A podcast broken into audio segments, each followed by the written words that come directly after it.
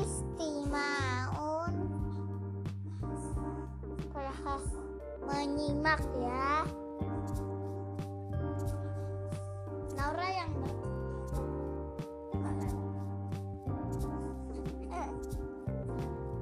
Tanurotun artinya rok dipakai untuk anak perempuan.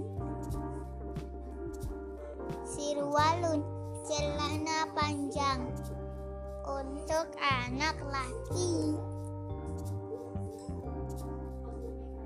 Itu dipakai kalau pergi.